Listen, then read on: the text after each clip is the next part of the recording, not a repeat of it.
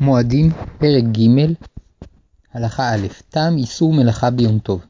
שבת וחג הם ימים קדושים שאסורים בעשיית מלאכה, מפני שבהם אנו מתעלים אל מעבר למגבלות, למגבלות של העולם הזה, על חטאיו וקללותיו, שגורמים לאדם לעבוד קשה לצורך קיומו ופרנסתו.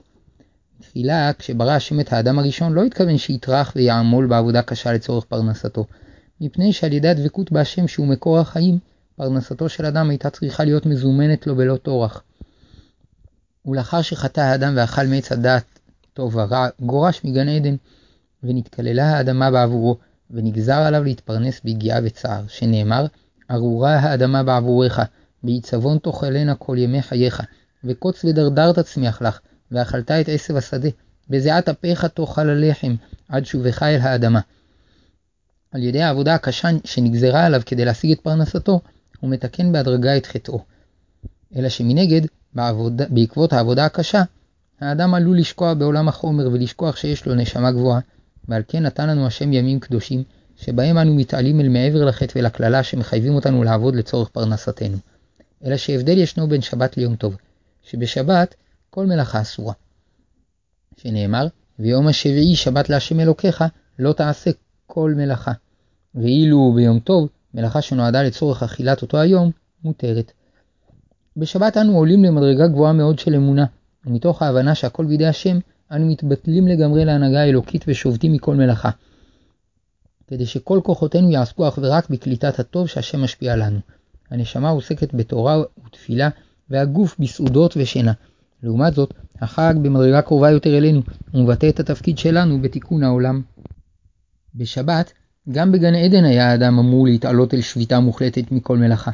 ואילו החג הוא מעין ששת ימי המעשה שבגן עדן, שהניח השם בהם מקום לעבודת האדם, כדי לשתפו בתיקון העולם וקיומו, שנאמר, ויקח השם אלוקים את האדם ויניחהו בגן עדן לעובדה ולשומרה. אלא שכל עבודתו שם הייתה צריכה להיעשות בנחת ובשמחה, והתוצאה החיובית שלה הייתה ניכרת מיד שעל ידה העולם משתבח. וכנגד זה, מותר לאדם לעסוק ביום טוב בהכנת המאכלים, שאלו מלאכות נעימות ומשמחות. ואף שהשבת קדושה יותר, שאין עושים בה שום מלאכה, שמחת החג גדולה יותר, משום שקדושתו קרובה אלינו יותר. יתר על כן, בזכות ישראל מתקדשים החגים, ולכן מן הראוי שיהיה מותר לעשות בהם מלאכה עבור סעודת ישראל. כיוון שיום טוב הוא יום חול שנהפך על ידי ישראל ליום קדוש, השפעתו על ימות החול ישירה יותר, שהשביתה ביום השבת לא נועדה להדריך את ששת ימי המעשה, אלא על ידי עצם קדושתה הם מתרוממים. לעומת זאת החגים, שחלים בימות החול, מקושרים יותר לעולם המעשה, ובהם אנו מודים להשם על הברכה שנתן במעשה ידינו, ומתוך כך אנחנו מכוונים את עבודתנו ומתבוננים בתפקידנו בעולם. וזהו שאמרו חכמים, שימי החג הם ימי דין על מעשינו, שלפי השתדלותנו נזכה בהם לברכה.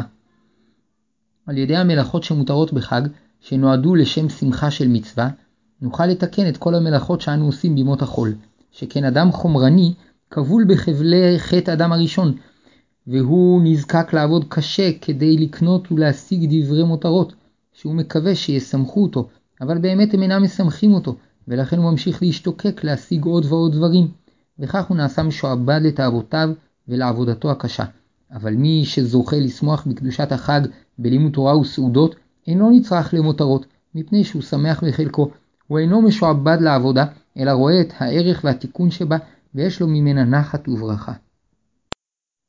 מועדים, פרק ג', הלכה ב', המלאכות שהותרו ביום טוב. בשבת כל מלאכה אסורה, שנאמר, ויום השביעי שבת להשם אלוקיך, לא תעשה כל מלאכה.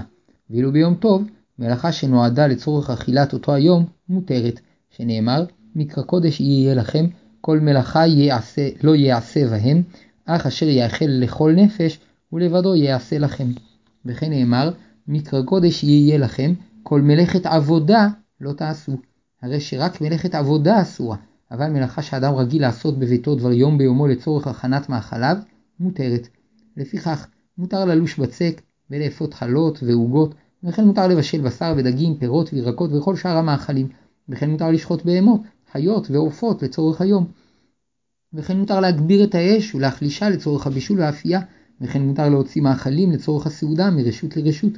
אבל אסור לקצור את תבואת השדה, לבצור ענבים בכרם, לדוש שיבולים, לזרות את גרגירי התבואה לרוח, לברור מהם את הצרורות והאבנים, לטחון תבואה, לצוד חיות, עופות ודגים, לסחוט ענבים ליין וזיתים לשמן, שכל המלאכות הללו הן בכלל מלאכת עבודה שנאסרה ביום טוב.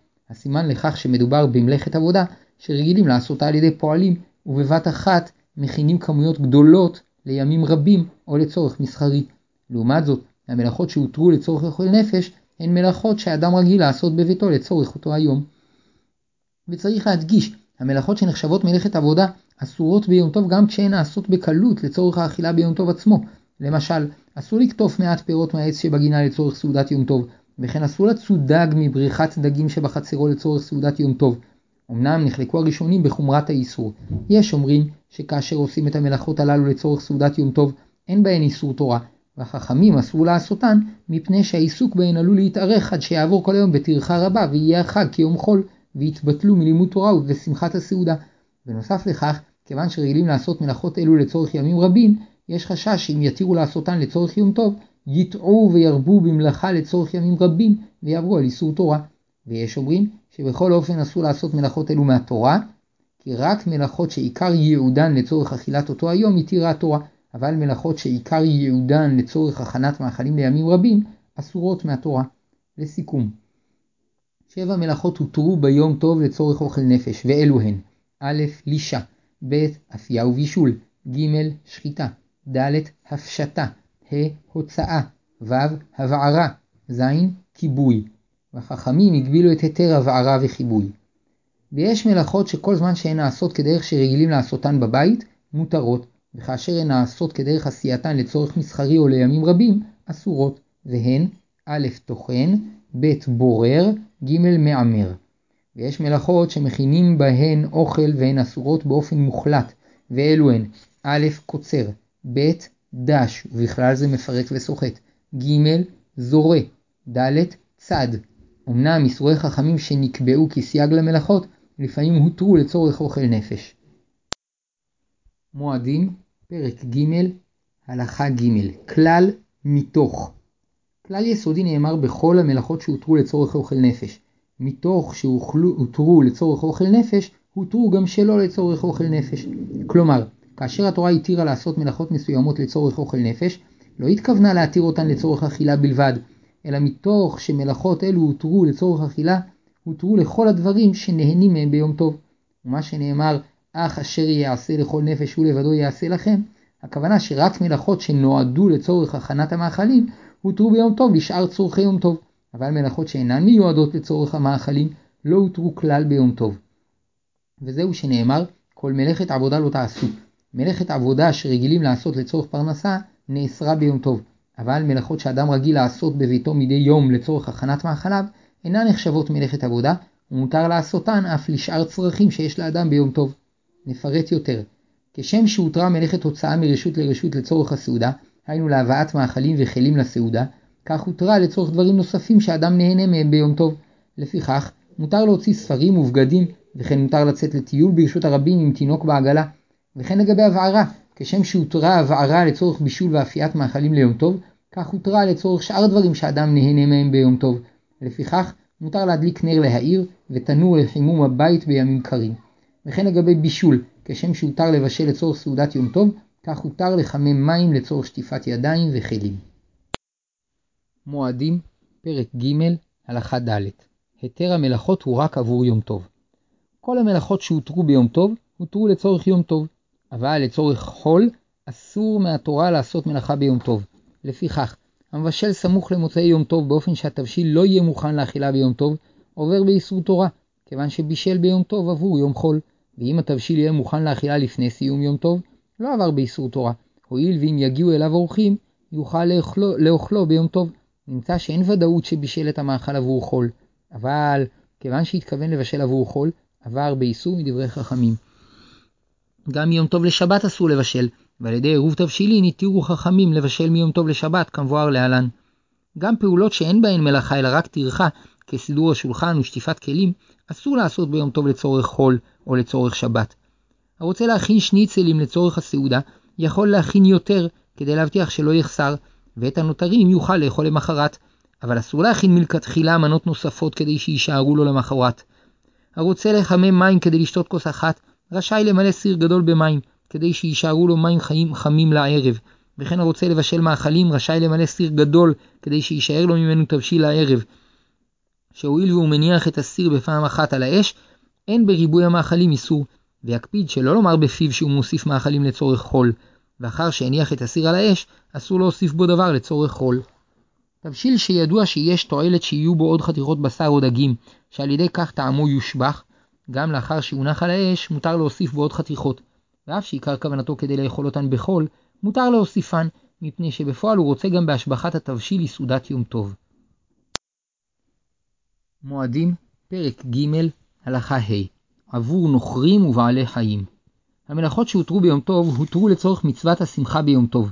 לפיכך מותר לבשל עבור יהודים, הואיל ויש להם מצווה לשמוח ביום טוב, ולא עבור נוכרים או בעלי חיים שאין להם מצווה לשמוח בו, שנאמר, אך אשר יאכל לכל נפש, הוא לבדו יעשה לכם. דרשו חכמים לכם ולא לנוכרים, לכם ולא לבעלי חיים. לפיכך אמרו חכמים, מותר להזמין נוכרים מסעודת שבת, כי אין חשש שיבשל עבורם, שאין מבשלים בשבת, אבל אסור להזמין נוכרים מסעודת יום טוב, שמא יבשל עבורם. אם הנוכרי בא אל היהודי בלא הזמנה, אם הגיע לאחר שגמרו להכין את הסעודה, מותר להציע לא להצטרף לסעודה, שאין יותר חשש שירבה בבישול עבורו. וגם אם הוא אדם חשוב, כיוון שהגיע בלא הזמנה, וכבר גמרו להכין את הסעודה, כל זמן שהיהודי אינו מפציר בו להצטרף לאכול, אין חשש שיעבור ויבשל עבורו עוד מאכלים. יהודי שמתגורר אצלו משרת גוי, רשאי להזמין אותו להצטרף לסעודת יום טוב, ולפני שיניח את הסיר על האש, רשאי להוסיף בו מאכלים עבורו, שהואיל והוא משרת שלו, אינו דואג כל כך לכבדו, ואין חשש שיעבור על איסור עבורו, כגון שלאחר שיניח את הסיר על האש, יוסיף מאכלים למענו. גזרו חכמים והחשיבו מחלל שבת בפרהסיה כגוי, שאסור לבשל עבורו ביום טוב, והורו הפוסקים האחרונים שגזירה זו חלה כיום רק על מי שמחלל שבת בפרהסיה להכעיס. אבל חילוני רגיל שמחלל שבת כיוון שאינו מבין כראוי את חשיבותה היתרה של השבת, ואין לו כוונה להכעיס, הרי הוא כשאר יהודים שעוברים עבירות, ומותר לבשל עבורו ביום טוב. אסור לבשל עבור בעלי חיים, אבל כפי שלמדנו בהלכה הקודמת, המבשל לעצמו, לפני שיניח את הקדרה על האש, רשאי להוסיף בה עוד מאכלים עבור בעלי החיים שבאחריותו. ושאר דיני נתינת מאכלים לחיות שווים לדיני שבת. מועדים, פרק ג', הלכה ו', שווה לכל נפש. כל המלאכות שהותרו ביום טוב לצורך אוכל נפש ושאר הנאות יום טוב, הותרו בתנאי שאין למעל דבר השווה לכל נפש, היינו שרוב האנשים נהנים ממנו, אבל לא הותרו לשם דבר שרק אנשים מפונקים או חולים רגילים ליהנות ממנו, שנאמר, אך אשר יאכל לכל נפש, הוא לבדו יעשה לכם. אמנם אין צורך שכל האנשים יהיו רגילים בו, אלא די שרוב האנשים שמחים ליהנות ממנו כאשר הדבר ביכולתם. לפיכך, למרות שרק בודדים מצליחים לצוד סביב ולאכול מבשרו, כיוון שרוב האנשים היו שמחים לאכול מבשרו, שחיטתו נחשבת צורך השווה לכל נפש. וכן מותר להתאים את המאכלים בתבלינים יקרים שלרוב האנשים אין כסף לקנותם, מפני שרוב האנשים היו שמחים לטבל בהם את תבשיליהם. אבל אסור להניח בסמים על גחלים כדי לבשם את הבית או את הבגדים שמניחים מעליהם, משום שרוב האנשים, גם כאשר יש להם אפשרות, אינם מבשמים כך את ביתם ובגדיהם. ואם כן, הנחת הבשמים באופן זה על אש הגחלים אסורה מהתורה, משום מבעיר ומכבה. מועדים, פרק ג', הלכה ז' מותר להרבות בבישול מאכלי החג מעבר להכרח. למרות שניתן לקיים את סעודת יום טוב בתבשיל אחד, הרוצה להיעדר בשמחת יום טוב, רשאי לבשל לסעודת יום טוב תבשילים רבים, כפי שמקובל להכין לסעודות, לסעודות היפות ביותר. מי שמעדיף לאכול חלות חמות מהתנור, למרות שכבר יש לו חלות שנאפו אתמול, רשאי לאפות חלות נוספות ביום טוב. וכיוון שאסור להדליק אש חדשה ביום טוב, אסור להדליק את תנור האפייה, ולכן הדרך להפעילו ביום טוב היא באמצעות שעון שבת שיכוון מערב יום טוב. מותר להכין ביום טוב מאכלים שהכנתם מצריכה טרחה מרובה, כמו כיסנים מעלי בצק דקיקים, וכן מותר לבשל פירות כדי להתאימם, למרות שניתן לאוכלם בלא בישול, וכן מותר לטרוח בהכנת תבשיל כדי להוסיף בו טעם או ריח. המעוניין לטבול חלה ברוטב שיוצא מתבשיל בשר, רשאי לבשל את התבשיל כולו ביום טוב עבור הרוטב, הואיל ואין לו דרך אחרת ליצור את הרוטב שהוא מעוניין לאכול. כיוון שאסור להדליק אש חדשה ביום טוב, מדליקים לפני כניסת החג נר, וממנו לוקחים אש להדלקת להבת הגז לצורך הבישול, ואם רוצים לכבות את האש לאחר סיום הבישול, עושים זאת בגרמה או על ידי קוצב גז, כמבואר להלן. מועדים, פרק ג', הלכה ח' מאכלים שניתן היה להכין בערב יום טוב. יסוד טעם ההיתר לעשות מלאכה ביום טוב הוא כדי להכין את המאכלים ולהשביחם ולהוסיף בשמחת החג. שאינו דומה טעמו של לחם חם מהתנור לטעמו של לחם שנאפה אתמול, ואינו דומה טעמו של שניצל מטוגן או תפוחי אדומה אפויים שהוכנו היום לאלה שהוכנו אתמול. וגם תבשילים שנתבשלו היום טוב, טובים מתבשילים שנתבשלו אתמול. וכיוון שמותר להכין מאכלים ביום טוב כדי להוסיף בשמחת החג, אין צורך להשתדל להכינם בערב יום טוב. וגם בליל יום טוב מותר לבשל את סעודת הלילה, למרות שאם היו מבשלים את מאכלי סעודת הלילה סמוך לכניסת החג, המאכלים היו טעימים בסעודה באותה מידה כמעט. מפני שאין מחלקים בין הסעודות, וכל תבשיל שטעמו טוב יותר כאשר מבשלים אותו סמוך לסעודה, מותר לבשלו ביום טוב. וגם היום שיש לנו מקררים שמאפשרים לשמור את התבשילים והמאפים באופן טוב, ההיתר נשאר במקומו, הואיל ותבשילים אלה מצד עצמם בלא כלי עזר חיצוני, משובחים יותר כשהם מבושלים סמוך לסעודה. וכל זה אמור לגבי תבשילים שטעמם נפגע מעט אם מכינים אותם יום קודם, אבל מאכלים שטעמם אינו נפגם כלל במשך יום, צריך להכין בערב יום טוב. למשל, הרוצה לאכול ביום טוב גלידה או פירות מבושלים, כיוון שטעמם אינו נפגם כלל, צריך להכינם בערב יום טוב. ואם לא הכין אותם בערב יום טוב, מותר להכינם ביום טוב על ידי שינוי מסוים. והשינוי אינו צריך להיות גדול, מפני שכל מגמתו להזכיר שהוא יום טוב, כדי שלא יבואו לעשות מלאכות אסורות. למשל, אם היה רגיל להכין את המאכל על השולחן, ישנה בכך שיניח על השולחן מפה ומגש, ועליהם יכין את המאכל. ומי שלא הכין את המאכלים הללו בערב יום טוב מחמת אונס, יכול להכינם ביום טוב בלא שינוי. וכן הדין לגבי מלאכת בורר ושאר המלאכות שהותרו לצורך אוכל נפש, שכל שאפשר לעשותן בערב יום טוב בלא שהמאכל ייפגם, צריך לעשותן בערב יום טוב, ואם לא עשה אותן בערב יום טוב, מותר לעשותן ביום טוב בשינוי. מועדים, פרק ג', הלכה ט' מכשירי אוכל נפש כעיקרון מותר לתקן ביום טוב מכשירי אוכל נפש, היינו כלים שנדרשים לצורך הכנת המאכלים ליום טוב. אולם בפועל, מצירוף של סיבות שונות, אין כמעט מציאות שמתירים בה לתקן מכשירי אוכל נפש ביום טוב. ראשית, כאשר אפשר היה לתקן את המכשיר בערב יום טוב, אסור מהתורה לתקן אותו ביום טוב. שנית, לדעת כמה פוסקים, כל ההיתר הוא בתנאי שאין עושים תיקון גמור, אבל תיקון גמור אסור, ובמקרים רבים קשה להכריע מתי הוא תיקון חלקי ומתי הוא תיקון גמור. למשל, נחלקו לגבי השחזת סכין, ולדעת רבים השחזת סכין אסורה מפני שהיא נחשבת כעשיית כלי גמור. שלישית, כאשר התיקון אינו הכרחי כי בדוחק אפשר להכין את המאכלים גם בלא תיקון, אסור לתקן את המכשיר, מפני שזאת טרחה יתרה שאין בה הכרח. רביעית, רק מכשיר אוכל נפש מותר, אבל מכשירי מכשירים אסורים. למשל, אסור ליישר מפתח כדי לפתוח בו מחסן שיש בו מאכלים, מפני שהמפתח אינו מכשיר את האוכל עצמו, אלא רק מכשיר את האפשרות להגיע אל האוכל. בנוסף לכך, גם כאשר ברור שמדובר במקרה שמותר לתקן מכשירי אוכל נפש, נהגו חכמים שלא להורות בזה היתר, שמא מתוך שיקלו לתקן מכשירי אוכל נפש שלא יכלו לתקן בערב יום טוב, יבואו לתקן מכשירי אוכל נפש שיכלו לתקן בערב יום טוב ויעברו על איסור תורה. לפיכך, מי שלומד את ההלכה כסדר ויודע מתי הדבר מותר, רשאי לנהוג כפי שלמד, אבל הבא לשאול על דבר אחד בלא ללמוד את מכלול ההלכה, אין מורים לו היתר, שמא מתוך ההיתר יבואו להקל בדברים אסורים. אמנם, כאשר התיקון היה נחוץ מאוד לצורך אוכל נפש, הורו חכמים במפורש להקל. לכן הקלו לגרוף את הטיח שנפל לתנור וגורם לחריכת הפת או הצלי, ובתנאי שבעל התנור לא היה יכול לעשות זאת בערב יום טוב, כגון שהטיח נפל ביום טוב עצמו, או שבעל התנור לא ידע שהטיח נפל בערב יום טוב. כפי הנראה סברו חכמים שההיתר בזה הוא מובן, ואין חשש שיבואו ללמוד ממנו היתר לדברים אסורים. מועדים, פרק ג', הלכה י' הכשרת כלים ביום טוב. אסור להכשיר ביום טוב כלי שנאסר בשימוש מפני שבלט טעם של בשר וחלב יחד, או שבלט טעם של בשר טרף.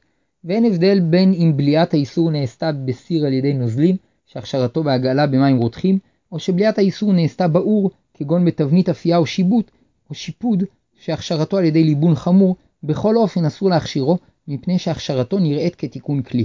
אבל אם לא יכלו להכשיר את הכלי לפני יום טוב, בשעת הצורך מותר להכשירו ביום טוב, כדין מכשירי אוכל נפש. אבל אין מורים כן לרבים, שמא יבואו מתוך כך להקל בדברים נוספים שאין בהם היתר. כידוע, כלי אכילה שהיו שייכים לגוי ועברו לרשות יהודי, צריכים טבילה, וכל זמן שלא טבלם, אסור לאכול בהם. נחלקו הראשונים אם מותר לטבול כלים אלו בשבת ויום טוב. יש אוסרים מפני שזה נראה כתיקון כלי, ויש מתירים כי אין בזה תיקון גמור, שכן בדיעבד אם ישתמשו בכלי בלא טבילה, המאכל מותר באכילה.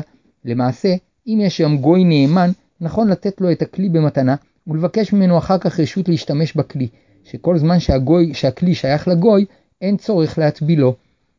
אבל כשאין שם גוי, נותרה המחלוקת במקומה.